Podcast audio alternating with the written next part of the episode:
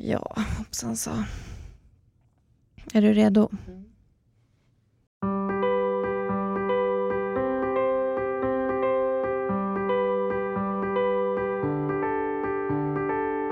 Hej, det här är Hanna. Hej, det här är Angelica Och det här är våran podd som heter Under livet. Hej Hanna! Hej Angelica. Hur mår du? Jag är trött. Jag är så här orolig. Det är ju i början på månaden och det är då jag brukar vara hemma. Och jag har så mycket på gång den här veckan som jag känner att jag inte vill missa. Men det ligger en så här stress inom mig. Tänk om jag är sjuk imorgon. Tänk om jag är sjuk på torsdag när jag ska föreläsa om hörseln som jag verkligen brinner för. Så att man stressar upp sig. Men just nu så, jag har inte ont, jag har haft små hugg. Men jag är otroligt orolig när jag ska vara hemma. Alltså jag bara väntar på, när kommer det? Är det nu, klarar jag hela veckan och det kommer i helgen? För det är fortfarande inom ramen. Men det är lite jobbigt. Så man stressar upp sig när man vet att man har något att göra. Typ som vi pratade om innan, att ja, men, nyår kommer och jag kanske har mitt skov de här dagarna. Mm. Då stressar man ju upp sig. Ja, om man tänker hela tiden att allting måste vara så fint och perfekt. Men det behöver ju inte vara heller. Alltså hur skulle det kunna vara? Hur, hur skulle du känna om du eh, drog till jobbet på torsdag, kör föreläsningen och sen drar hem? Föreläsningen är på kvällen så jag jobbar ju 8 till 23 den Men dagen. om du skulle skippa dagen?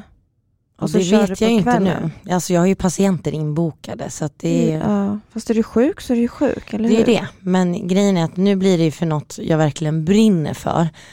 Så just nu sitter man här och liksom rädd för sin endometros. Snälla bara ge mig den här veckan. Det är lite så Ja. man känner. Snälla ge mig bara den här veckan att jag får göra allt det här. Som också tar mycket tid, fixa powerpoint och sånt där. Men det är ju något kul och jag vill ju verkligen göra det. Och då är jag så himla rädd att tänk om det slår nu. Det kan slå nästa vecka. Alltså det är så här, men det går ju aldrig att planera. Det är det som är det jobbiga med den här sjukdomen. Ja, eller hur. Men du har ju en hormonbehandling. Du har inte mens, men du har fortfarande väldigt ont och du tror att det är kopplat till ägglossning, att du fortfarande har ägglossning. Nej eller typ när jag skulle kanske ha, jag vet inte, eftersom att det är samma dagar jag är hemma. Mm. Det slår ju aldrig fel, så någonting händer ju i början på månaden. Det är någon slags cykel som är aktiv fortfarande. Ja, extra trött, jag mår illa, jag har ont i huvudet, alltså det är så mycket. Sen kan det vara i mitten på månaden om man har ont, men jag känner inte alls den här extrema påverkan på min kropp. Det här trötta, irritation. Ja, Kan men du det, öka dosen? ja men det har jag gjort nu. Okej, så Det gör jag ju nu sedan några månader. Ja. Och det kanske är därför också jag blir extra trött. Jag vet inte. Alltså jag vet inte. Ja. Men den här tröttheten, alltså om man, eh, om man inte upplevt den så har man ingen aning om hur tufft det är. Och har man upplevt den då vet man exakt vad vi pratar om när vi pratar om den här tröttheten. Kan du försöka beskriva den Angelica för någon som inte... Men jag har ju Vet. den nu och jag sitter och kisar. Jag fryser, jag svettas. Jag har tagit med mig liksom raggsockor. till- Jag liksom gör allt för att jag ska klara av dagen. Jag Mm. känner i min kropp, alltså det är nästan som en feberkänsla. Ja, verkligen.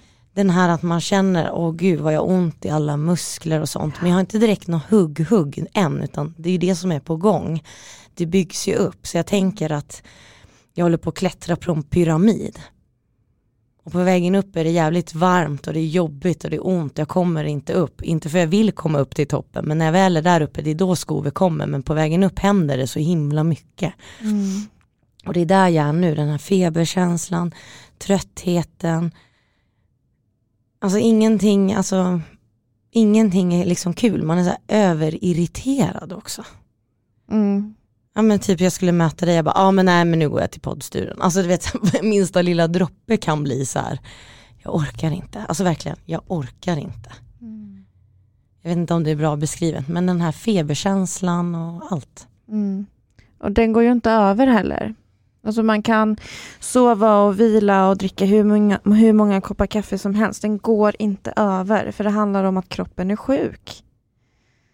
Och precis det du sa nu, som jag sa till dig, idag har jag druckit Red Bull, jag har ätit sötsaker, jag har ätit blodpudding för att få i mig järn, alltså det spelar ingen roll vad jag gör, den är där ändå. Ja, men man provar ju alltid. Men jag tänker det är ju bättre att göra det än inget, då kanske Mm. jag skulle vara ännu tröttare, men jag sitter ju här och är jätte, jättetrött. Ja, ja, jag ser det på dig nästan. Och trött, det, det är inte bara trött, alltså det är verkligen, Man det är inte sliten. bara trött, det vet ni som vet, alltså Mm. man är ja, sliten, Men det är också någon slags hjärn... eh, Liksom, man, är Dimma, trött i, ja, man är trött i hjärnan. Orkar liksom inte tänka klart riktigt. Men jag skulle vilja berätta en rolig grej. Mm. Igår var jag på mitt första ultraljud för att titta på bebisar. Min bästa vän Amelia väntar tvillingar. Ja. Så jag fick gå med henne på mitt allra första ultraljud igår och den här barnmorskan hon förklarade ju till mig liksom. Det var så intressant och det är så jävla sjukt vad våran kropp kan göra.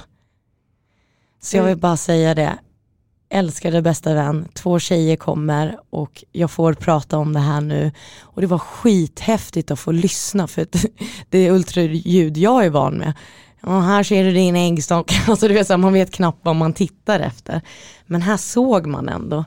Så jag vill bara säga, det var en jätteupplevelse att få vara med om på ett ultraljud. Det gjorde Ja. min dag igår, så även om jag är trött igår, eller idag, så var jag så jävla glad igår. Det var så jävla intressant och så jävla coolt hur kroppen fungerar.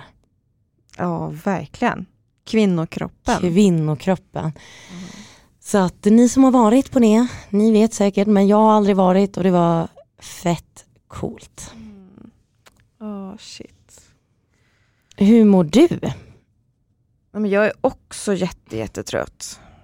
Helt fruktansvärt. Och jag, har också, jag är ganska mycket på jobbet så att jag känner typ att jag, ja, jag är väldigt stressad. Jag ska ju iväg på en jobbresa snart. Eh, och då måste jag eh, jobba in lite. Sen så är det ju stressigt och mycket att göra på vårterminen framför allt. Men jag har ju också ont. Jag är ju tre veckor in nu tror jag på min eh, Slinda-behandling. Och eh, än så länge så har den inte gjort så mycket mot smärtor och så. Men det kanske kommer. Skam den som ger sig. Jag fyller ju 30 om en vecka. Och Eh, jag eh, brukar älska att fylla år. Och ha fester och fira och sådär. Men det här året så känner jag mig mest bara stressad inför det. Jag har inte planerat någonting. Jag kan inte bestämma mig för vad jag vill göra. Jag funderar lite på, eller jag har pratat med min mamma och syrra om vi inte ska åka iväg och hyra någon stuga eller något någonstans. Men ja, alla får inte le, alltså det, det finns inga optimala alternativ. Så, och om att jag är så himla trött så blir det nästan som att jag ja, men istället då inte tar tag i det. Vilket är skittråkigt för ingen annan, alltså om jag vill fira min födelsedag så måste jag ju ta tag i det. Det är ingen annan som kommer göra det åt mig. Men jag orkar inte och jag tycker att det är jobbigt det här året och därför så står jag bara och stampar. Liksom. Och jag tycker inte att det är jobbigt att fylla 30. Det är ingen åldersnoja på något vis, utan det är mer Du som alltid säger att jag är gammal, hur känns det själv att bli 30 nu då? Alla som hugger på dig som säger att 30-åringarna är gamla. Jävla Hanna, nu kommer hon själv. Japp. Japp. It's coming. It's coming. Ja, nej men. Alltså jag har väl gått hela mitt liv och tänkt så att jag, jag ska ha barn i den här åldern. Men så är jag, ja, jag, jag är inte ens en partner. Alltså, vad fan hände? men, ehm, ja. Jag tycker du borde fira i alla fall. Oavsett om det blir stort eller litet så ska du ändå göra något. Och även om det tar energi så tycker jag det är värden orken. Ja, Att du ska göra det. Ja, ja, jag vill ju hemskt gärna och jag kommer ju ångra mig efteråt. Men Det är ju det och det vill du inte göra. Det är bättre att då köra nu och så inte ångra sig sen. vet du vad som är komiskt då? Det skär torsdag när jag fyller år. Emoaktigt. Ja, kör temafest. Påskkärring, tema 30, det har jag aldrig varit på. Jättebra idé. Nej jag gillar inte riktigt Påskgodis, lite påskgodis. Ja, åh, man skulle kunna göra så himla mycket kul. Och nu är det en vecka kvar. Men du behöver inte göra det på den dagen heller. Nej, nej det behöver jag inte fram. göra. Jag kanske, ja, jag ska ha en AV med jobbet, tänkte jag att jag ska bjuda hem dem till min lägenhet och så, men det kommer ske typ mot maj snarare, för jag hinner inte nu. Och sen så ska jag väl fira med min familj i Värmland, men det kommer inte heller ske nu utan senare.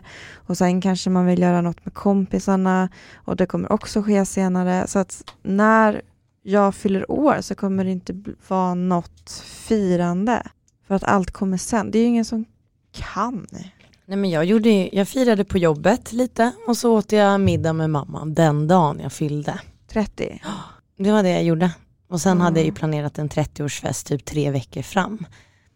Ja, du hade väl en jättestor 30-årsfest Ja, vi på var lokal? över 56 pers. Med något tema. Gult tema. Gult tema. Eh, så att det var ju verkligen, den dagen var ju inget. Var, ju- Gult tema? Mm. Varför det? det är min favoritfärg. Är det? Mm. Det är ju färgen på en meteosbandet. Ja, det är min. Och det är också i eh, den här hur en gul person är. Extrovert, na, na, na. jag gillar ju Ah, Sen- är Sen när jag färg. blev så jag bara, mm, gul är nog jag. Men det var kul, men just 30-årsdagen behöver du inte känna sådär. Då jobbar man ju som vanligt. Nej, för jag har ju påsklov nästa vecka. Ja. Jag kommer vara ledig, ensam, ja, men, 30. ja men det är ju upp till dig, du behöver inte vara ensam. Nej men alla är ju upptagna. Det är det. Det finns nog någon som kan äta en middag, för det behöver inte vara något märkvärdigt. Det är bara mysigt att göra något. Sen kan du styra som du säger i maj, det börjar bli varmare. Det är lättare att styra då också med folk. Ja. Ja, nej förlåt för att jag är så bitter. Jag, ja. jag har en sån dag idag också. Så är det. Ja, ja, jag tror att det kommer bli jättebra. Ja. Nästa avsnitt då, då kan jag komma med facit hur det blev. Ska vi säga att vi har en gäst med oss idag? Och vi ska snacka könssjukdomar och inte vilken könssjukdom som helst utan vi ska snacka klamydia. För det är ju faktiskt så att eh, man kan bli infertil av klamydia. Våran gäst blev faktiskt drabbad av det här. Så att vi ska få höra på hennes berättelse.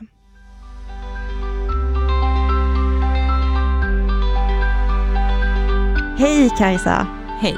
Välkommen till Underlivet. Tack så mycket. Kan inte du presentera dig lite kort?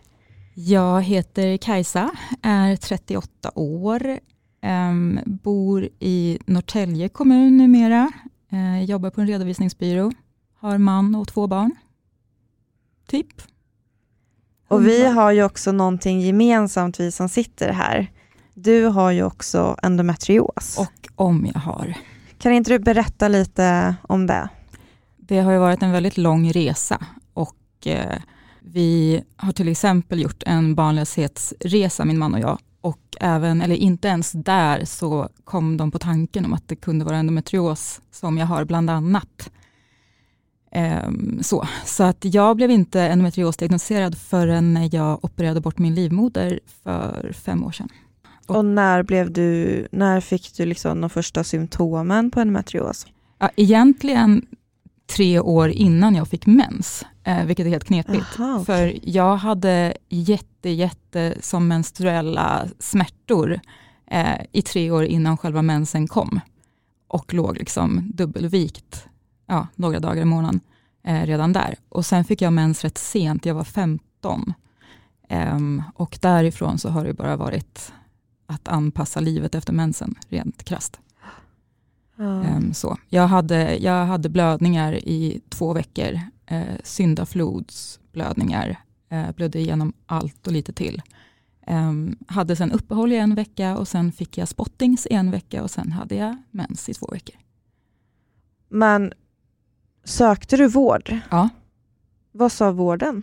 Eh, att jag skulle testa olika typer av preventivmedel. Ja, såklart. Mm. Så att jag fick ju testa allt, verkligen allt. Eh, jag gick nog igenom de flesta p-pillerna eh, rätt snabbt och sen så blev det p-plåster och det blev p-stav och det blev spiral även innan jag ens hade varit gravid. Eh, och p-spruta, p-ring. Åh herregud. Och det, är ju. Mm, och det är ju en jäkla pers också att prova och experimentera med de här. Ja men det är ju det, både Preparaten. kroppsligt och psykiskt. Ja, Eh, Det är ju ingen lek direkt. nej. Hur var det med smärtbehandling då? Du fick ju prova massa hormoner men fick du erbjuda någon smärtbehandling? Nej, inte mer än Alvedon. Jag tål inte Ipren och eh, den biten av eh, mediciner. Eh, så att det var Alvedon fram tills, ja, fram tills för några år sedan då, när diagnosen kom. Och Alvedon hjälpte inte kan jag tänka mig. Nej, nej, nej, nej, nej, nej. Så många lektioner som jag har missat och eh, dagar och allt. Liksom. Mm. Nej, alltså det är så sinnessjukt att det ska ta så många år. Då Mm. var du 32 när du fick diagnosen. Mm, det kan nog stämma. rätt. Alltså det får inte gå till så. Det är så fruktansvärt att man som kvinna ska behöva lida då. Alltså det är ju Mm. inte bara runt mensen utan det är ju också alla andra dagar. Ja, precis. Och det är ju allt, alltså det är ju verkligen, livet planeras ju efter mensen. Ja. och eh, smärtorna och allt. Det är så här, kan jag åka på solsemester nu? Nej, det kan jag inte. Eh, kan jag gå på den här festen? Nej, det kan jag inte. Kan jag? Ja, och så vidare. Ni, ni vet Mm. hur det är. Mm. Men minns du första gången som du eh, fick höra om endometrios? Ja, det fanns någon sån här broschyr på någon ungdomsmottagning. Mm. Ehm, och sen, egentligen så var det inte mycket mer med det, mer än att jag tyckte att det lät som att det kunde passa in. Eh, men det liksom avfärdades väldigt, väldigt snabbt. Eh, och i och med att det avfärdades så gjorde väl jag också det någonstans. Varför trodde inte läkarna att det var endometrios? För att det är så här att ha mens Ja. och att vara kvinna. Alltså det är så fruktansvärt. Det är så många vi har träffat i den här studien och vi alla har ju fått samma bemötande. Jag tänker att vården måste bli så mycket bättre på att se nyanserna hos oss som är drabbade. Att vi, vi har sådana olika upplevelser av den här sjukdomen. Vi har olika symptom och du kanske får ont när, vid gynundersökningar och jag kanske inte alls får det och någon svimmar. Alltså vi är så olika. Men det känns verkligen som att de, de har den här mallen som man ska passa in i. Mm. Och passar man inte in i den så har man inte en metrios. Och den där mallen är så himla snäv, Mm. så det är inte många som passar in i den. Nej, det är ju inte det. Och jag vet inte riktigt vem som faktiskt passar in i den. Det, Det var bra sagt, det har vi nog aldrig sagt. Vem passar in i den egentligen? Det är alltid något symptom, absolut. Så. Ja, Men nej, det stämmer ju inte på oss alla.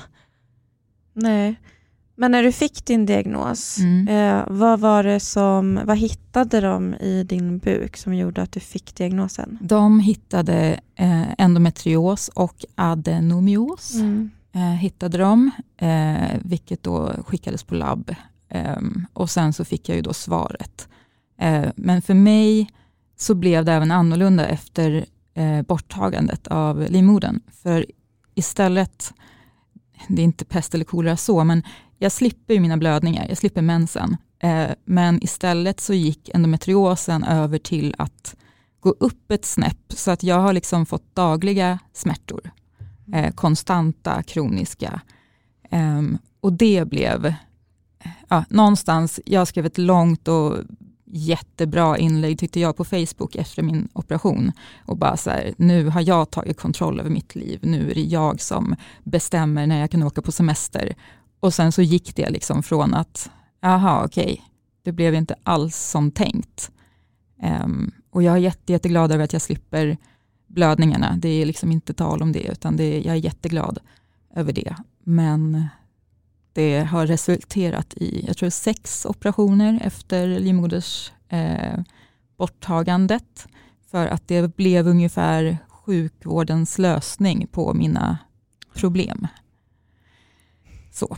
Men vad opererade de alla andra gångerna? Var för att det hade spridit sig eller vill du utveckla lite? Så med. Ja, nej, men ett halvår efter att eh, livmodern togs bort så tog de bort livmodertappen. För då blev liksom grejen att ah, ja, men du kanske har endometrios i livmodertappen också. Eh, så då tar vi bort den och då är problemet löst.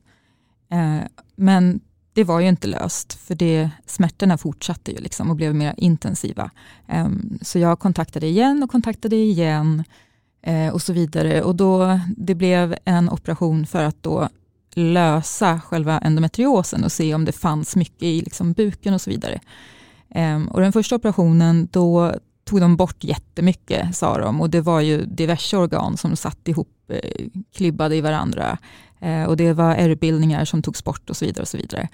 Um, och sen gången efter det, för i och med att mina smärtor då inte försvann när de hade tagit bort all endometrios tyckte de, um, så blev det en till operation uh, och då hittade de ännu mer och tog, då, då tog de bort det. Um, och sen blev det, den operationen blev misslyckad för jag um, efter liksom själva operationen, bara några timmar efter, så slutade inte jag blöda, så då blev det liksom akut in igen.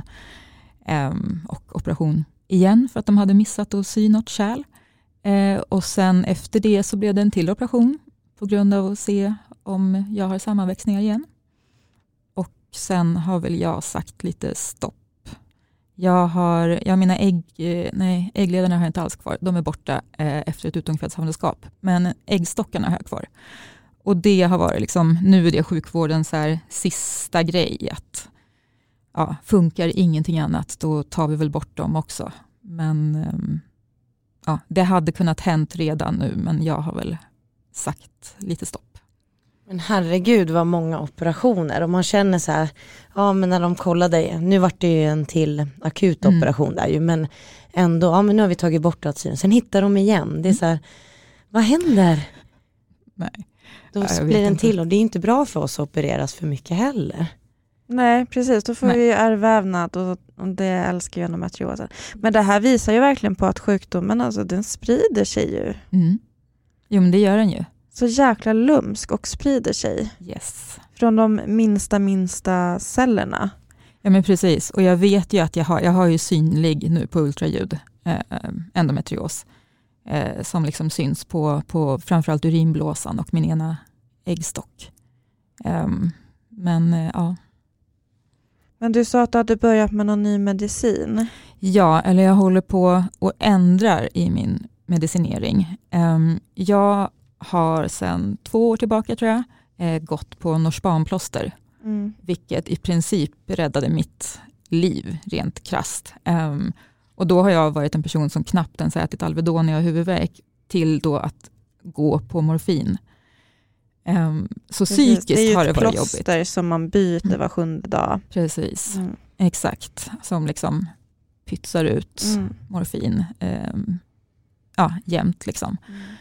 Um, och det, alltså, dosen där har ju absolut ökat, liksom så. men det har ändå gjort att jag har känt att mina dagliga smärtor har liksom hållits i schack på något vis. Um, sen nu strax innan jul så fick jag en allergisk reaktion på plåstret, mitt ur ingenstans. Okej. Ja. Um, och då bestämde vi, vilket väl har varit på tapeten rätt mycket just nu, det här med att sjukvården vill att uh, de som går på morfin trappar ner morfinet. Och det blev det ju då även för mig. Alltså det där är så himla knäppt, för det är ju, alltså behovet har ju inte förändrats. Nej. Vi är fortfarande sjuka och mm. vi har fortfarande den här otroliga fruktansvärda smärtan. Yes. Det är så knäppt. Ja men det är ju det och sen fattar jag att det kommer studier som säger att eh, morfin, alltså liksom att smärtorna tas till en viss del och sen så slutar ja, de funka längre jo. och så vidare. Men vad blir plan B då? Exakt, för man kan för inte den bara ta bort, inte jag just man nu. måste ju byta ut. Ja, exakt. Så att, um, ja nej, så mina plåster är borta sen någon månad tillbaka, lite drygt. Och mina smärtor har ökat markant. Um, ett skov däremellan. Um, och då har jag ändå klarat mig rätt okej okay från skov under min Norspanbehandling. Eh, och istället så ska jag då öka en Dovell som jag tar till två tabletter. Mm. per dag istället för en. Och sen så har jag Saroten och Gabapentin just nu. Sen så pratade min läkare om att eh, jag kan, eller han, hen, hon tyckte, men, eh, personen tyckte att jag skulle börja med antiinflammatorisk kost. Eh, och det ville väl läkaren kanske, eller eh, han, nu kör vi på det, han sa liksom att eh, han kanske inte får säga det rent vetenskapligt, men att han har läst studier där det kan funka, så det var liksom hans tips. Mm. Men någon riktig liksom plan B eller plan A nu egentligen har vi ju inte. Nej. Och det är det som är fruktansvärt. Då står man i det här landet lagom och bara väntar. Vad händer nu då om du får ett skov och behöver åka in? Mm. Är det så att du har blivit överkänslig mot morfin? Det är ju också vanligt tyvärr, men då finns det ju faktiskt andra starka smärtstillanden. De måste hitta lösningar för just dig som individ. Exakt. Men den här allergiska reaktionen, mm. hur, mm. kan du inte berätta lite om den? Ja, den var ju något eh, fantastisk.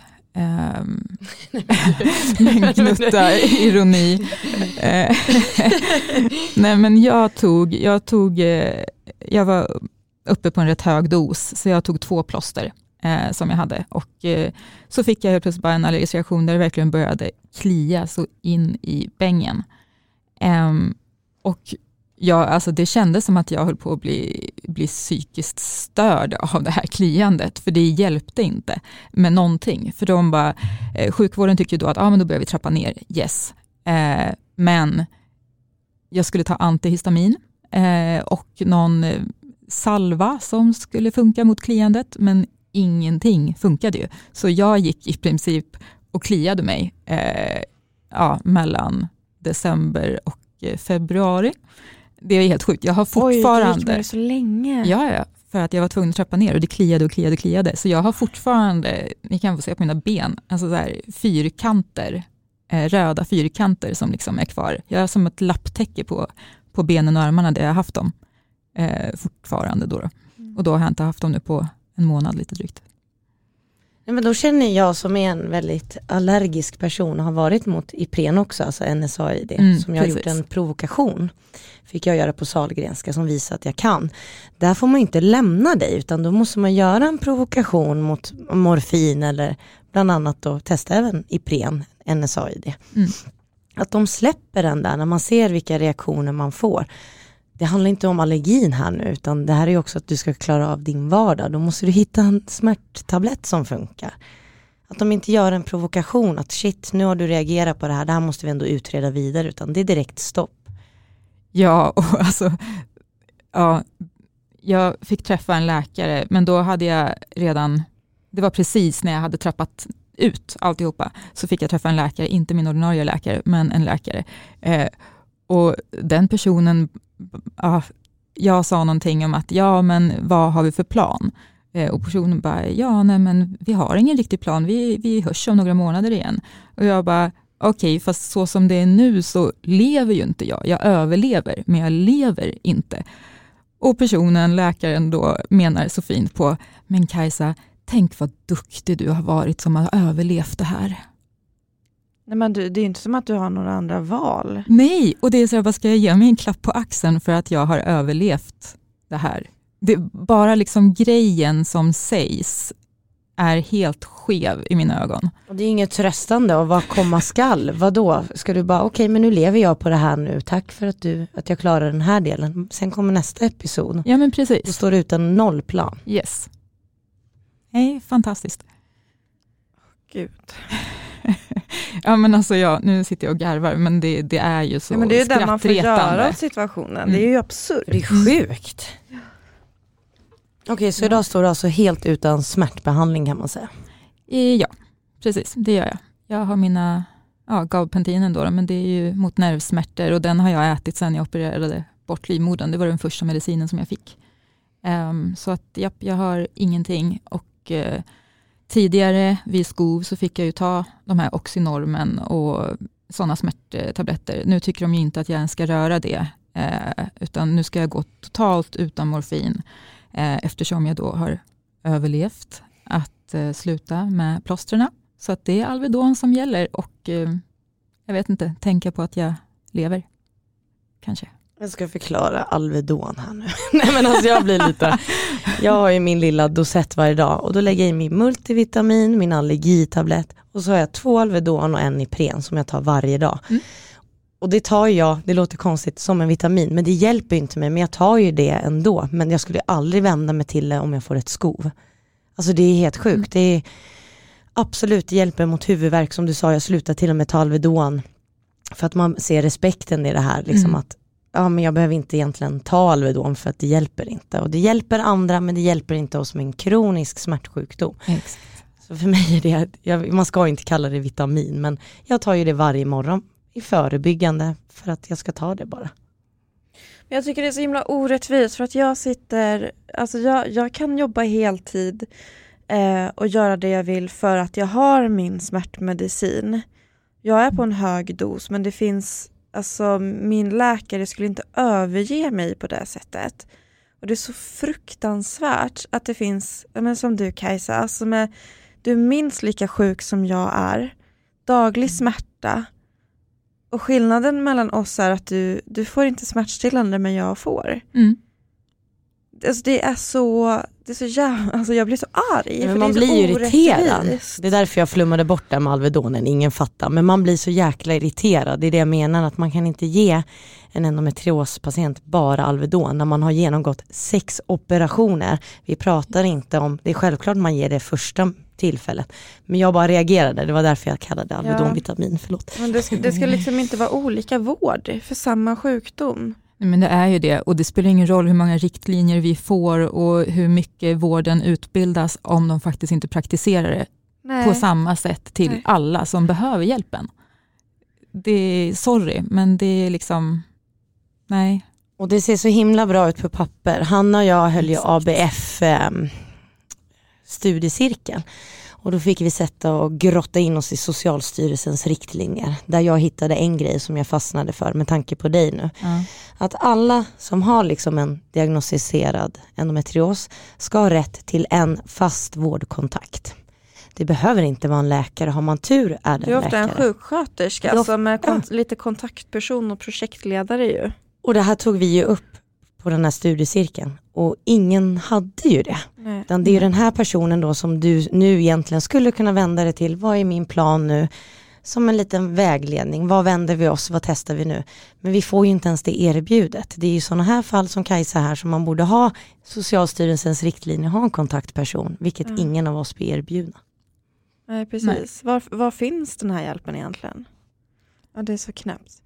Ehm, alltså vi skulle ju kunna prata om det här i flera timmar men vi Ja. ska också gå vidare. Eh, det här var lite av en parentes. Eh, för att du är också här Kajsa för att snacka klamydia med oss. Yes. Eh, och eh, infertilitet och IVF. Kan inte du ta, ta det från början? Från början, ehm, det är nästan preskriberat för att det är så länge sedan, men mitt tidigare förhållande eh, var med en kille som, det varade i ungefär två år, Eh, det förhållandet. Eh, och det var, det var inga konstigheter så, liksom, förutom att jag sen i slutet av förhållandet fick reda på att han hade varit otrogen. Ehm, och det i sig är ett svek och det var inget jag tänkte förlåta.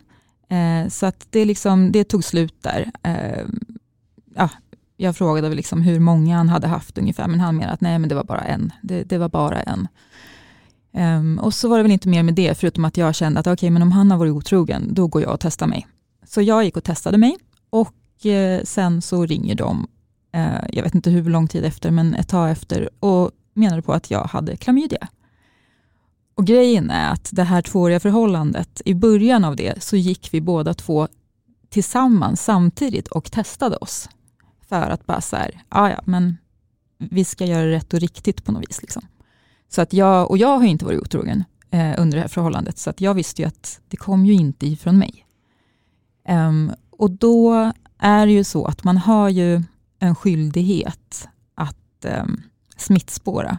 Så då sa liksom vården, jag fick antibiotika och sen så menade vården på att eh, om de skulle höra av sig till den här killen, eller om jag själv ville göra det. Eh, och det var ju ingen snack. Jag tyckte att det här, här ska han få en, liksom, en bajsmacka Så att jag eh, funderade på en massa olika sätt hur jag skulle berätta det här för honom. Eh, var väldigt länge inne på att bara så här, skicka en hundbajspåse ner i brevlådan. Helt rätt. Eh, förlåt, men ja. Nej, ingen förlåt. Men, nej, men det slutade med att jag gick och köpte kondomer och sen så skrev jag ett brev till honom där det stod i princip kortfattat att jag har fått besök av din kompis klamydia. Um, här har du lite hjälp på traven utifall du skulle uh, vilja ha sex med någon annan. Och sen så stoppade jag ner det här brevet med kondomer i hans brevlåda. Uh, sen får jag ett argt sms om att jag är dum i huvudet och det är inte alls han som har gett mig klamydia, men skitsamma. Så var det med det. Och sen så var det väl inget mer med det egentligen. Eh, jag gick på antibiotika, ehm, sen fick jag en äggledarinflammation, vilket ehm, det inte var tal om då, men det kan ju så här i efterhand så vet man ju att det kan härledas till klamydia. Eh, och det visste säkert vården, men jag hade ingen aning om det. Eh, så äggledarinflammation och ännu mera antibiotika, fast en annan typ. Och sen så var det absolut inget mer med det. Fram tills jag träffade min man. Eh, och det är förhållandet efter eh, klamydiaförhållandet om man säger så. nu ska jag inte nämna hans namn, men han heter ju klamydia Pip, Ja, ja. så, Mm. i, i folkmun. Liksom. Mm. Så men eh, ja, nej, men sen träffade jag min man ungefär ett år efteråt. Eh, och vi blev lite så här blixtkära eh, och bestämde oss väl bara efter några veckor att eh, vi ska Alltså så här, det är vi liksom. Eh, så jag slutade med p-piller som jag åt då, bara efter några veckor. Och eh, blir vi gravida så blir vi. Jättebra liksom. Vi skulle bli glada. Ehm, men vi blev liksom inte riktigt glada, för jag fick ju mens varenda månad. Eh, i två år tror jag vi höll på och i början var det ju verkligen så här, bara händer det så händer det, skitkul. Och sen i slutet så blev man ju bara ledsen och liksom hade aktivt sex när man visste att man hade ägglossning. Eh, och Och då var ju ett- du också obehandlad för din endometrios. Precis. Och då mår man inte heller så jättebra. Nej, man gör ju inte det. Eh, så det var ju liksom väldigt psykiskt påfrestande framförallt. Men sen efter, eh, ja, men efter ungefär två år av, eh, icke, av att inte bli gravid, om man säger så, så mm, gick vi, eller vi, mm, vi tänkte att nu går vi till läkaren och ser. Liksom, eh, för min man menade på att han har, eh, han har spelat hockey eh, väldigt mycket under väldigt lång tid och menade på att det kanske var han, liksom, för jag beskyllde mig hela tiden. Eh, men han menade på att det kanske var hans fel, om man säger så. Det är ju ingens fel, men missförstå mig rätt där.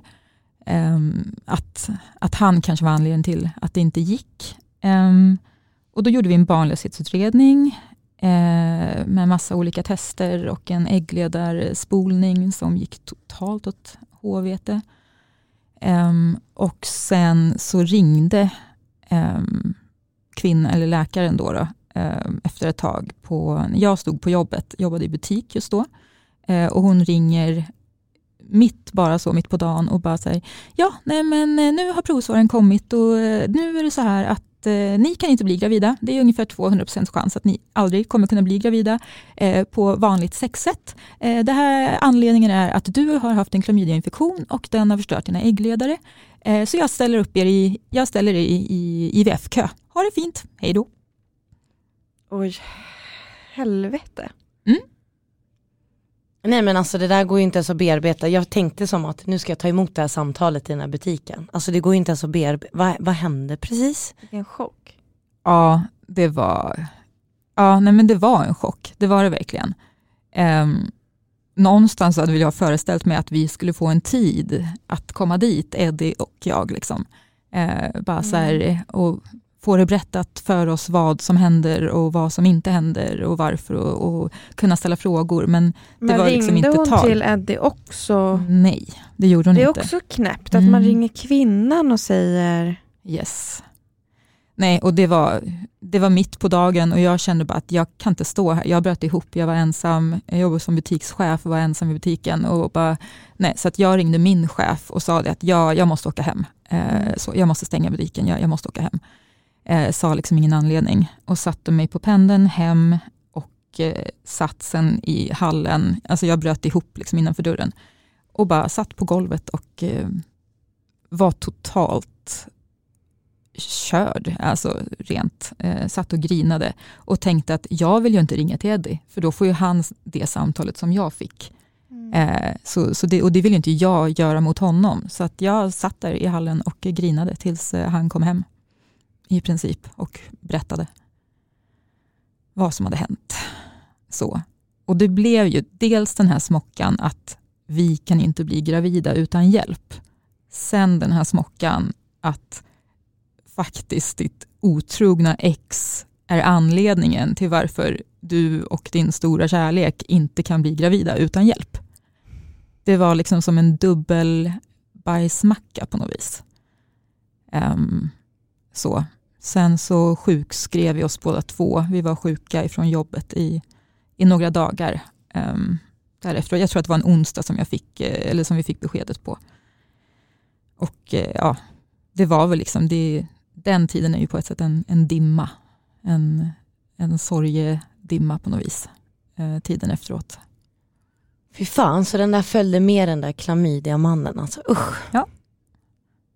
Kunde ni vara ett stöd för varandra? Ja, men det kunde vi. Och det har vi väl alltid varit rätt bra på, tack och lov, i, i alla liksom livets stadier. så. Mm. Um, vi, vi har varit ihop i 15 år i år och det ja, just det här med att vara ett stöd för varandra funkar väldigt bra. Mm. Eh, så att eh, vi har liksom våra, våra knep. Det som blev lidande, om man säger så, Eh, det var ju sexlivet. Det, det funkade ju inte alls i princip. Eller så här, ja, man tyckte ju, eller så här, i, i slutändan blev det ungefär att jag bröt ihop i princip under sexakten för att jag kände att jag kan inte ge honom det vi allra mest vill ha. Eh, och att det var jag som bar skulden eftersom det var jag som hade haft en klamydiainfektion. Det är jag som inte kan ge min man barn. Um, så det jag sa i princip, och det gjorde jag nästan direkt efter beskedet, det var ju liksom att du har en legitim anledning till att, till att dra. Det är okej, okay, jag förstår om du gör slut nu. Liksom. Men tack och lov så gjorde han ju inte det. Eh, han, han friade istället. Men, oh, ja, men, wow. ja, nej, men det, det var tufft. Det var väldigt mycket som förändrades där och då. Liksom. Så. Vilken fin relation ni verkar ha. Ja, men det har vi. Jag är, men jag är jättestolt över oss. Det är jag verkligen. Vi har upp och nedgångar som alla andra, men det har verkligen varit som att världen utanför har stormat, men han och jag har aldrig gjort det. Liksom. Så, så att, eh, nej, jag, jag är jätteglad över att jag är med just honom. Det ska tilläggas. Sen så fick ni göra IVF. Yes. Det fick vi. Um, och det var ju också, um, det finns ju olika, olika protokoll. Uh, alltså olika IVF. Just det, det här det långa Exakt. och korta. Och korta protokollet, vilket är ja, det är bara mer eller mindre hormoner och fler eller färre sprutor i princip.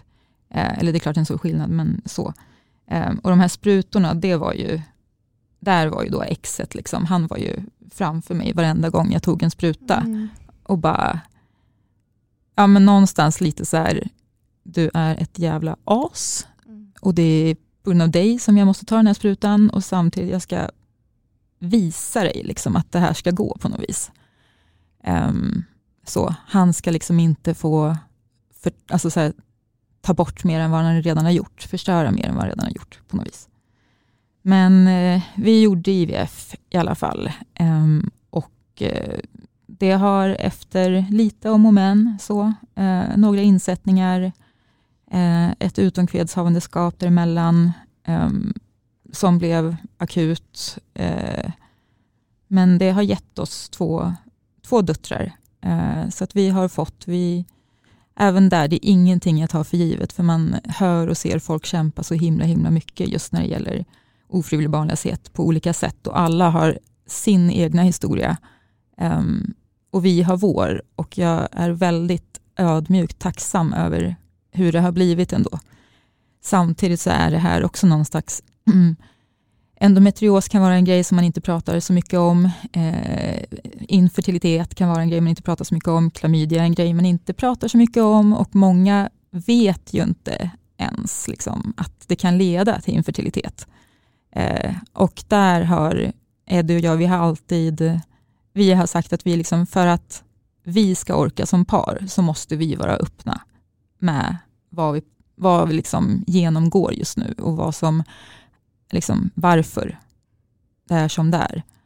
Um, och det, ja, jag vet inte. Och vi hittade ju dig för att du, eh, du skrev en kommentar på ett konto på Instagram. Yes. Eh, och den där kommentaren såg ju jag Angelica och så tog vi kontakt med dig och frågade om du ville vara med i podden. Mm. Um, och det visar ju verkligen på vad viktigt det är att faktiskt men skriva den där kommentaren till exempel. Ja, och jag kan säga att jag satt och velade rätt länge om jag skulle skriva den där kommentaren eller inte. Men inlägget hade publicerats några timmar tidigare och jag läste igenom kommentarerna um, och det fanns just liksom ingen kommentar om att jag har haft, gå och testa er. Liksom. Det kan mm. hända vem som helst. Eh, och då, nej, men efter ändå lite velande så var jag så bara, nej men jag, jag får vara det där exemplet. Jag får väl bli klamydia-Kajsa då. Kör hårt liksom.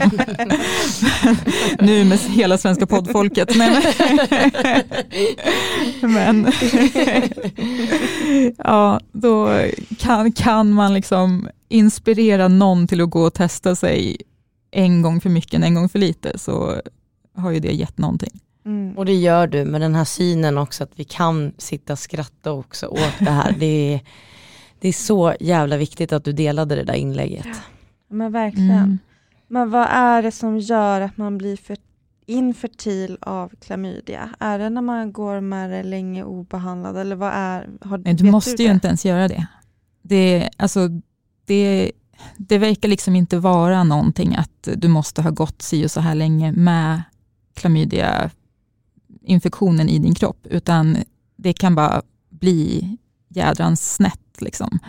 Eh, så Det är ingenting du som person kan ändra på, det är inget du kan göra för att inte, utan så vitt jag har förstått så kan det räcka med en vecka för någon och det kan ha varit två år för någon annan.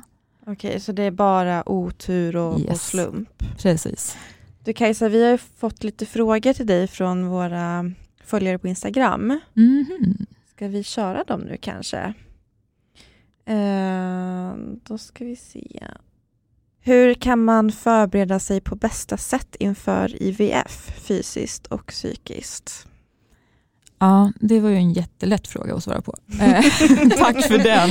Nej, Nej, men någonstans så beror det ju lite på hur du är som person. Eh, känner du att du har ett bra kontakt eller ett bra stöd liksom, eh, i, i din liksom, vänkrets och familj och så vidare, så tycker jag att man alltid kan ta hjälp av dem. Eh, prata om det. Har du någon du kan prata med dig om, så gör det. Eh, eller skriv ner tankarna, bara liksom få ur i det du känner. Eh, sen så går det väl kanske inte riktigt att förbereda sig eftersom du inte vet vad som komma skall egentligen.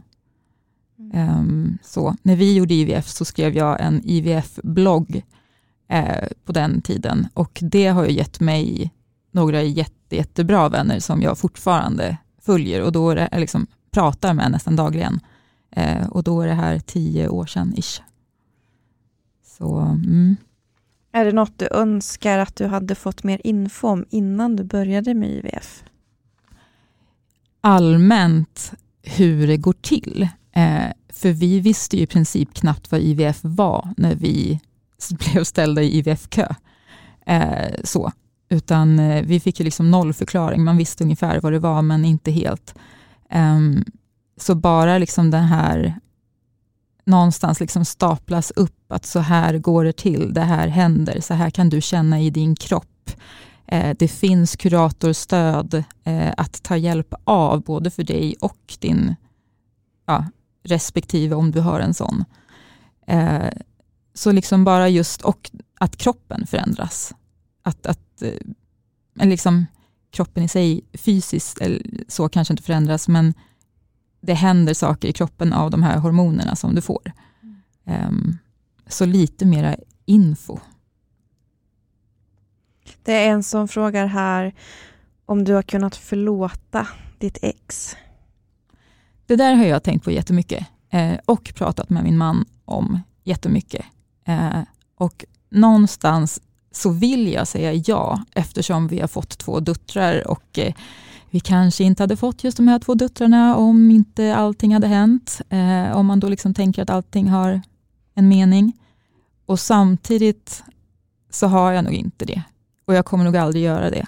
Och jag har inte sett honom på så många år och jag vet fortfarande inte hur jag skulle reagera om jag skulle möta honom på stan. Um, spontant så skulle jag bara vilja spöa upp honom tror jag. Men det är ingen lösning. Så nej, jag, jag, tror nog, nej, jag kommer nog aldrig förlåta riktigt. Det, det kanske säger mycket om mig som människa på något negativt sätt, men, men det är så det är. Alltså jag tänker att man har, man har ingen skyldighet att förlåta någon. Och det är oftast dit man alltid vill komma. Så att det skulle vara lösningen och slutet på en konflikt eller ett problem eller ett, ett trauma och så vidare. Men behöver man verkligen komma dit för att gå vidare? Nej, jag vet inte. Och någonstans, han har ju hela det känns den här... som en klyscha. Ja, men det gör ju lite det. Och ja, visst, han har ju ändå tagit ifrån oss möjligheten att bli spontant gravida och i princip um, det här att ja, men vi vill ha tre barn. Ja, fast det har vi inte fått. Och absolut att vi hade kunnat fortsätta kämpa um, mera. Men det är ju som sagt ett kämpande uh, och det tar psykiskt och det tar fysiskt. Uh, och hur långt, liksom, hur, hur mycket orkar man? Um, så just det här, liksom, ja, men det här spontana graviditeten, det har ju han för alltid liksom bara förstört. Mm. Så jag vet inte, jag tycker kanske inte att han förtjänar att bli förlåten. Nej. Nu får du svara på de här frågorna liksom så gott du kan. Jag tänker att du sitter ju inte inne på alla svar bara för att du har genomgått en IVF och så. Nej. Eh, hur orkar man fortsätta med IVF trots negativa gravtest? Och den här som har ställt den här frågan skriver att hen har gjort tre misslyckade försök. Mm. Um, ja, hur orkar man fortsätta? Uh, vi orkade väl kanske inte riktigt fortsätta egentligen redan efter det första misslyckade. Um, men sen så skulle våran klinik ha sommarstängt. Nej. Jo, och då var väl vi lite så här, hinner vi, alltså någonstans så liksom brann det väl ändå inom oss, liksom, att vi kanske, så hinner vi med en gång innan de stänger så kör vi. Eh, även fast vi båda, eh, vi tog liksom en paus från vårt första misslyckande, så sa vi bara, nej men nu, nu får vi bara vara ledsna i några månader, så får vi se när vi gör nästa. Um, så där blev det lite mer spontant för att vi lyckades pricka in ägglossning precis innan de eh, skulle stänga. Um, sen så har vi satt upp, dels så har vi liksom eh, sagt att vi ska vara det här ehm, um, roliga, inte roliga paret, men, men um, vi ska dejta varandra. Och det gjorde vi däremellan. Det var, vi såg till att hitta på roliga liksom, dejtkvällar Eh, för att någonstans ha saker att se fram emot. Vi bokade en resa för att ha något att se fram emot. Och inte bara de här måstena utan också Nej. vara som par. Det är jätteviktigt. Exakt. Så, att, så det var väl så vi orkade um, på något vis. Att, uh, och sen så hade vi en plan, hur realistiskt den var eller inte. Liksom. Men eh, skulle det inte bli något barn, vad händer då? Vi, vi pratade väldigt mycket med varandra och hur vi såg saker och ting och hur vi såg vårt liv. Um, både med barn och, och eventuellt utan.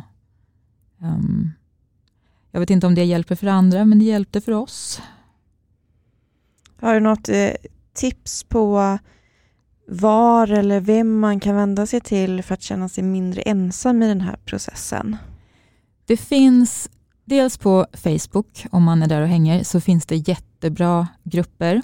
Eh, det finns en ofrivillig barnlöshetsförening som är rikstäckande, ehm, som kan hjälpa. Det finns Instagramkonton som både liksom öppet och inte öppet skriver eh, om det. Och någonstans, bara man liksom, även där, jag skrev den här bloggen och hittade ett sammanhang och ett liksom ställe där, där fler var som jag. För i början, man kände sig ensammast i världen verkligen. Jag trodde att det var ingen i våran ålder, eller överhuvudtaget, som, som var tvungna att genomgå IVF. Men att bara någonstans hitta en liten grupp av människor, eller i alla fall en människa som faktiskt på ett eller annat sätt förstår vad du genomgår och vart du är.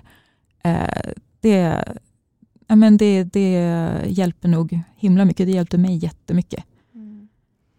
Jag tänker att vi kanske skulle kunna göra ett sånt inlägg på Instagram, Angelica. Kajsa, om du ger oss namnen på de här kontona så mm. skulle mm. vi kunna göra ett inlägg och tagga alla dem som man hittar. Absolut. Det hade väl varit jättebra. Mm. Jag kör vidare då med frågorna här. Var satt Kajsas endometrios som genomgick IVF eh, och hur många försök gjorde Kajsa? Eh, endometriosen den fick vi då som sagt reda på i efterhand. Eh, men när operationerna så satt den på livmodern, livmodertappen, eh, blindtarmen, tarmen, eh, äggstockarna, urinblåsa. Sen känns det som att jag har missat någonting. Herregud, Ja, helvete. Men är, uh, oh my God. Var det sammanväxningar mm. eller cystor eller både och? Nej, eller sammanväxningar härdar. och härdar. Eh, synliga härdar mm. och eh, ja, nu säger de att jag har mikroskopisk liksom. Mm. Eh, men nej, synliga härdar och sammanväxningar.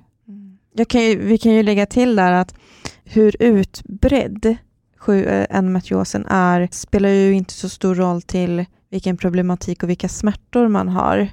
Eh, samtidigt så är det ju, alltså om man har cystor och sånt så är ju det jättesmärtsamt om de eh, tar upp plats, klämmer eller spricker och så vidare. Men både jag och Angelica blev jättechockade nu när du räknade upp alla de här. Eh, alltså man undrar hur det är, eh, Alltså hur är det möjligt att det ens får plats? Mm. Liksom? Um, och tänk då att du har gått i alla år med det här då. Mm. Och yes. att det bara fortsätter och fortsätter att spridas och, och komma nytt. Japp. Men det måste vara så sjuk oh, känsla för en själv när man väl får det här urin, alltså hur mm. utspridd den är och innan så har du inte fått reda på någonting. Alltså det, det är det jag tycker är så sjukt. Men nu då när man börjar utreda eller märker då hittar man ju där och där. Hallå vad hände innan? Det är så konstigt att, att, att läkare har tvivlat på dig Kajsa. Mm.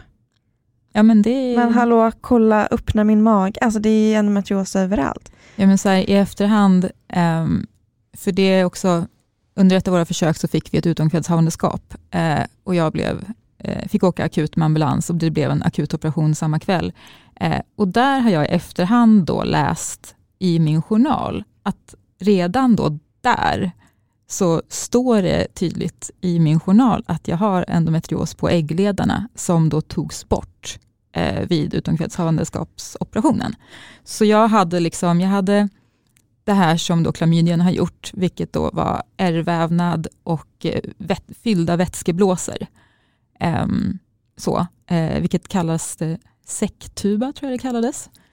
Ja, här sitter jag med 1177-papperna, det tror jag stämmer här. Jajamän. Var satt ja. de här blåsorna? Eh, på äggledarna. På äggledarna. Ja, det, var liksom, det var totalt stopp, det var det hon menade liksom, när mm. hon ringde och gav det här fina samtalet. Mm. Att eh, Jag hade liksom totalt stopp på mina äggledare eh, på grund av klamydian. Så att det, och det här totala stoppet var just eh, ärrvävnad och vätskefyllda blåsor, så som hon liksom så som det beskrevs. Och sen då, då, i min journal så står det även alltså endometrios.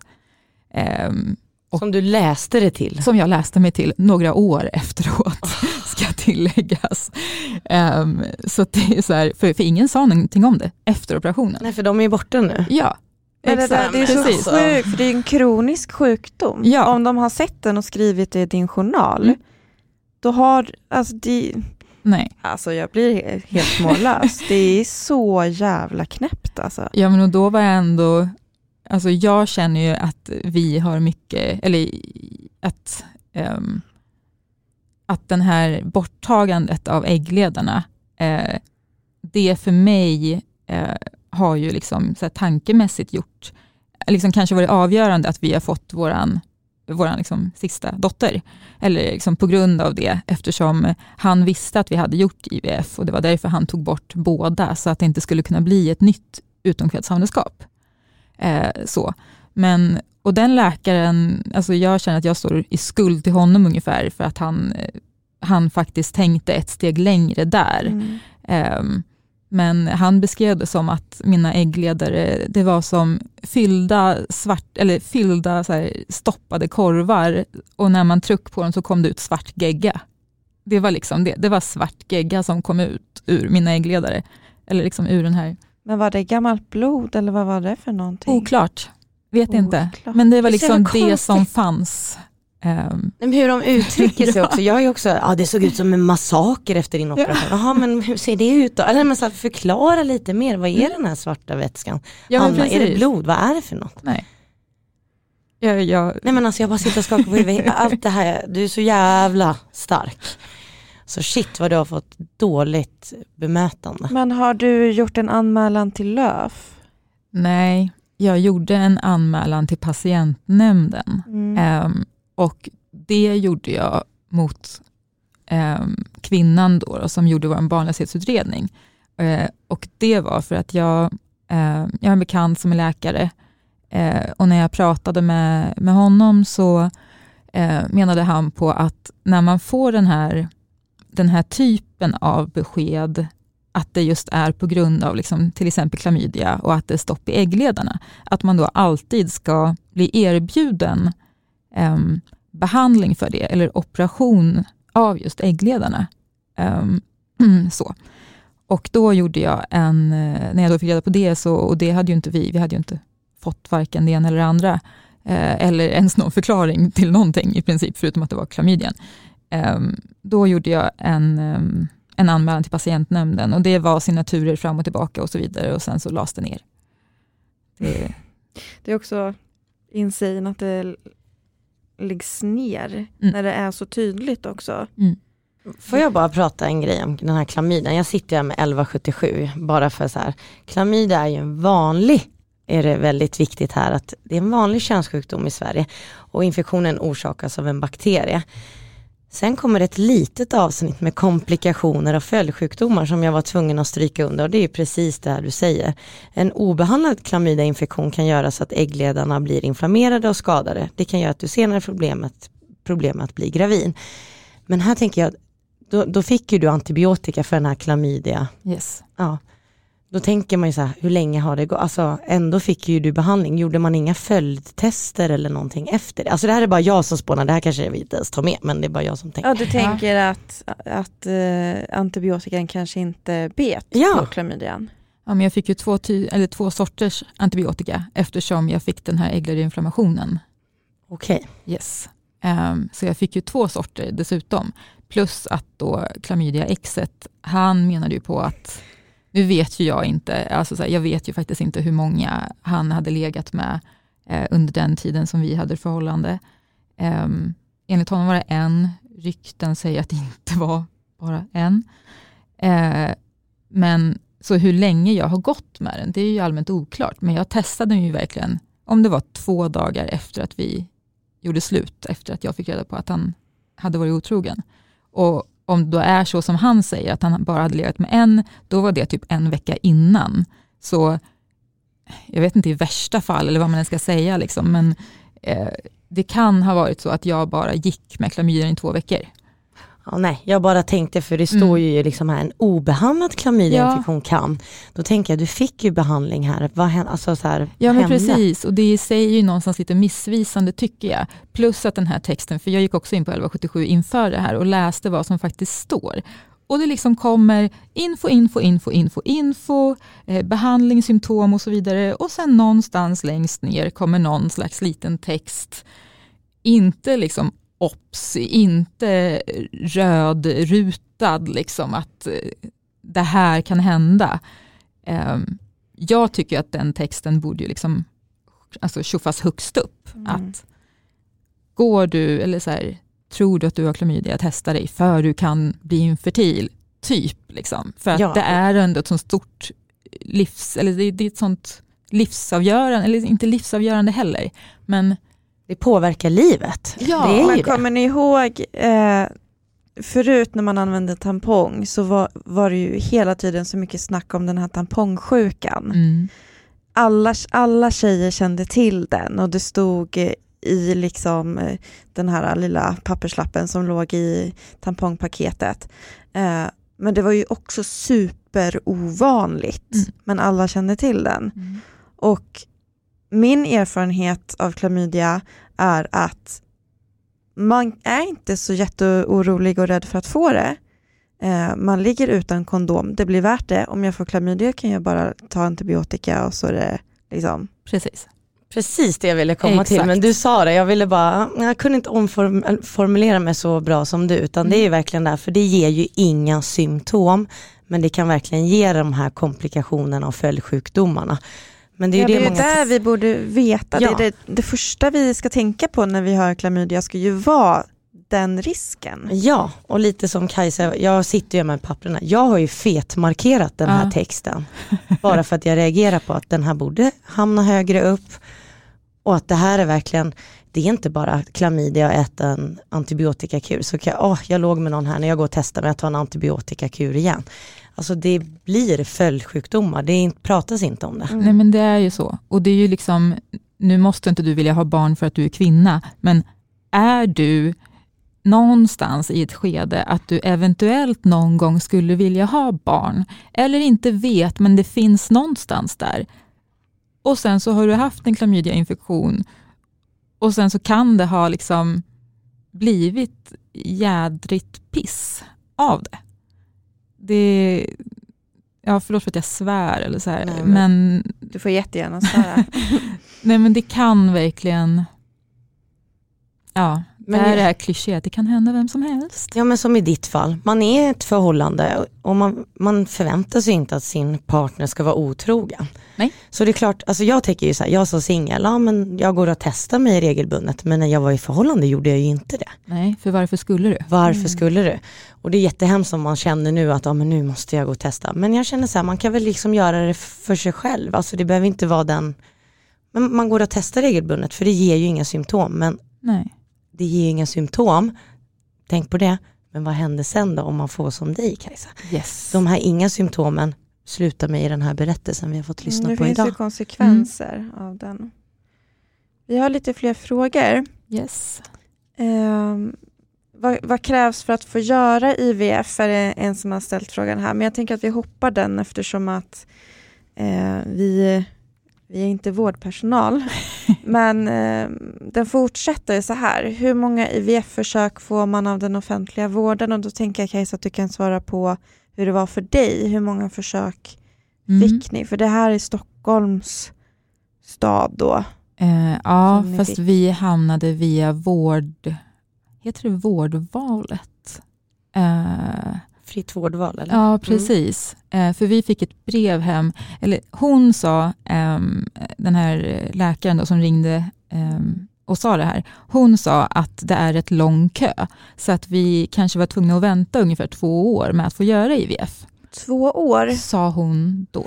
Sen Okej, fick mm. vi, eh, och det här var i juni, Eh, sen fick vi runt oktober så fick vi ett brev hem att hej, vill vi använda det här fria vårdvalet då?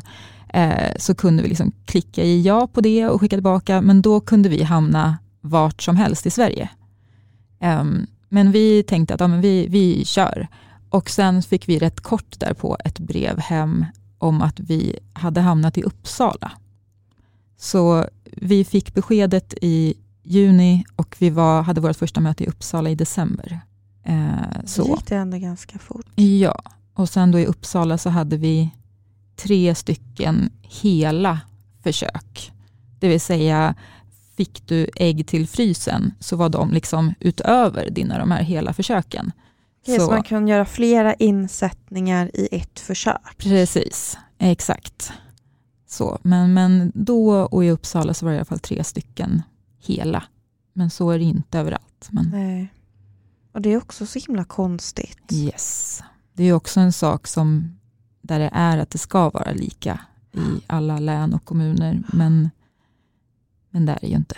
Nej, jag tycker att vi ska slopa regioner på det sättet och, och skapa lite mer jämställd, jämlikhet. Mm. På tal om regionen, jobbar inom vården. Första april höjdes alla patientavgifter mm. för yrkesgrupper. Ja. Så att eh, jag menar, det höjs avgifter men ändå så skiljs det så mycket i vården, man får inte hjälp men de tar ut mer och mer pengar och många, vi har pratat om det här förut, att många vi endometriospatienter lägger ju så mycket pengar på mediciner. Så att det ska stå i ett val att man kanske inte har råd med ett läkarbesök. Nu kan man inte ha faktura då, men det ska ju ändå betalas. Men nu har de höjt avgifterna igen. Ja, och sen har vi då bland annat typ Endovel som inte ingår i högkostnadsskyddet. Mm. Oj, jättebra. Ytterligare en grej. Det är yes. helt sjukt. Mm. Så att jag pröjsar för tre månader i och för sig eh, så pröjsar jag runt 800 spänn. En vanlig. Och för er lyssnare som inte känner igen det här så är det ju ett hormonpreparat. Precis. Men det är det som blir så sjukt, för jag beställer ju en gång i månaden kommer mitt apotek och i år var det faktiskt, eller den här månaden var det rekordstort faktiskt.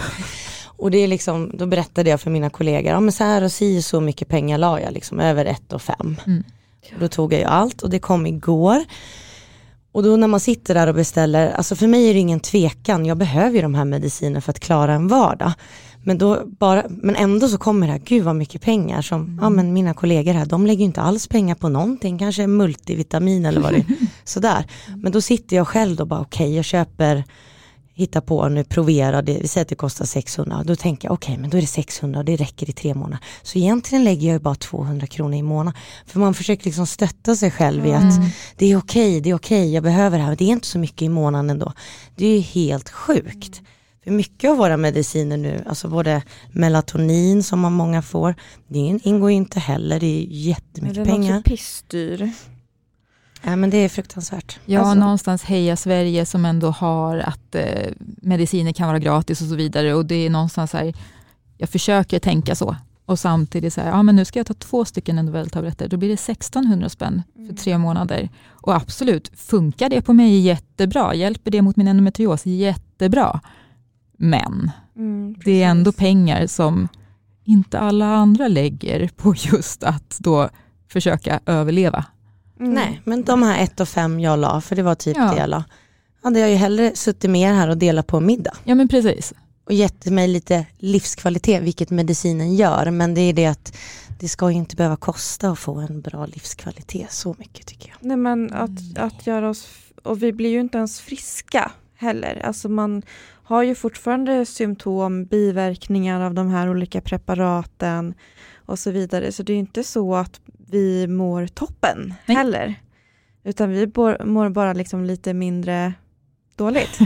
Nej, alltså nu fastnar vi men det är för att vi ja. är endometrios drabbade allihopa. Men jag tänker också så här, när det kommer någon ny, man läser ju mycket i grupper, här kommer en ny medicin på marknaden. Det är klart alla vill testa den. Mm. Men den är ju inte berättigad av landstingen men alla är ändå villiga att betala de här pengarna och det känns som att endometriosforskningen, när det kommer något nytt, då vill ju alla ha det, men det är ändå inte berättigat inom högkostnads... Nej. Det är helt sjukt. Nej, vilket ju blir också just att ja, du har inte bara endometrios, utan du ska dessutom lägga dyra pengar på att du har endometrios.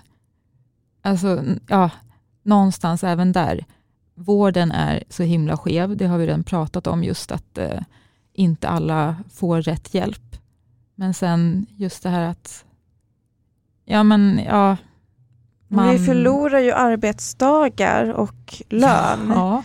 Och så har vi de här stora utgifterna.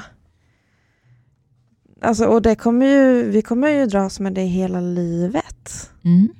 Alltså vår pension kommer ju påverkas av att vi är sjuka i endometrios. Mm. Ja men verkligen. Och sen så är det just det, bara, ja, man, man vill inte sitta och tycka synd om sig själv, men vissa gånger så dippar man ju totalt. Ja. Alltså, ja, men när du ligger där med ditt skov och din dyra medicin och dina jobbdagar som torskar eftersom du inte kan gå till jobbet och eh, alla trevligheter eller bara en, en helt vanlig mysig vardag som bara går till spillo för att du kommer inte upp ur sängen. Det, Nej, och sen kommer ju skuldkänslorna. Så att vi Oh, får ju ja. tillägga till dem att det är inte bara pengar och karensdag, eller det är ju pengar i karensdagar, men där kommer ju också att oj, fan vad, det kommer ju dagar när man känner fan vad misslyckad jag jag klarar ingenting. Nej men det är min sjukdom, men då dealar man med den grejen också. och sen alla människor som inte förstår vad det du går igenom, framförallt för att du har inget gips på huvudet, så det är en osynlig sjukdom till mångt och mycket. Ja, vi ska försvara oss och Ja. stå till svars. Och, nej men det, är- alltså folk som inte är sjuka själva har verkligen ingen aning om hur mycket vi kämpar. Nej. Nu kom det in någon här i studion. Hej, hej. Knäppt. Ja. Ja, nej men jag... ehm, Alltså även om man blir eh, frustrerad och irriterad och det känns mörkt och pissigt så tror jag ändå att vi liksom enade tar oss framåt. Det händer ju saker. Det blir bättre. Mm. Men, och den utvecklingen får heller aldrig, aldrig stanna upp. För det, vi har en lång bit kvar. Men det är därför vi sitter och poddar, vi hittar Kajsa vid ett Instagram-inlägg, det är så här man sprider kunskap. Ja. Vi hjälper ju varandra, det är inte direkt att min läkare ringer var tredje månad, ja hur går det nu med, ska vi testa något nytt? Det är, vi följer ju upp allting själva och hittar kunskap. Jo men så är det ju. Och apropå det här med sammanhang, bara eran podd, fatta hur många ni hjälper i, i det här sammanhanget. Men det är ju verkligen så. Så att det, det är ju sjukt bra att ni ens kom på idén. Det är svinbra. Vad fin du är. Kajsa. Jättefint. Det var verkligen så tanken, ingen ska vara ensam. För man, kom, man, man känner sig ensam, spelar ingen roll om man har partner eller en miljon vänner. Man kan fortfarande vara ensam. Oh ja. Mm. Och det Men blev man när man blev sjuk. Man är. Vi är så många som förstår. Ja, så många som både har endometrios, har haft klamydia, genomgår IVF. Det är ju, ja, som sagt, det, man är aldrig ensam. Tack så jätte, jättemycket för att du skrev den här kommentaren på Instagram så att vi kunde hitta dig och för att du superspontant nu har ställt upp här sent på en tisdag kväll. Du är helt fantastisk och tack så jättemycket för att vi har fått låna din historia. Den, det här avsnittet kommer vara viktigt för många. jätteviktigt. Tack snälla för att du kom hit. Tack för att jag fick komma.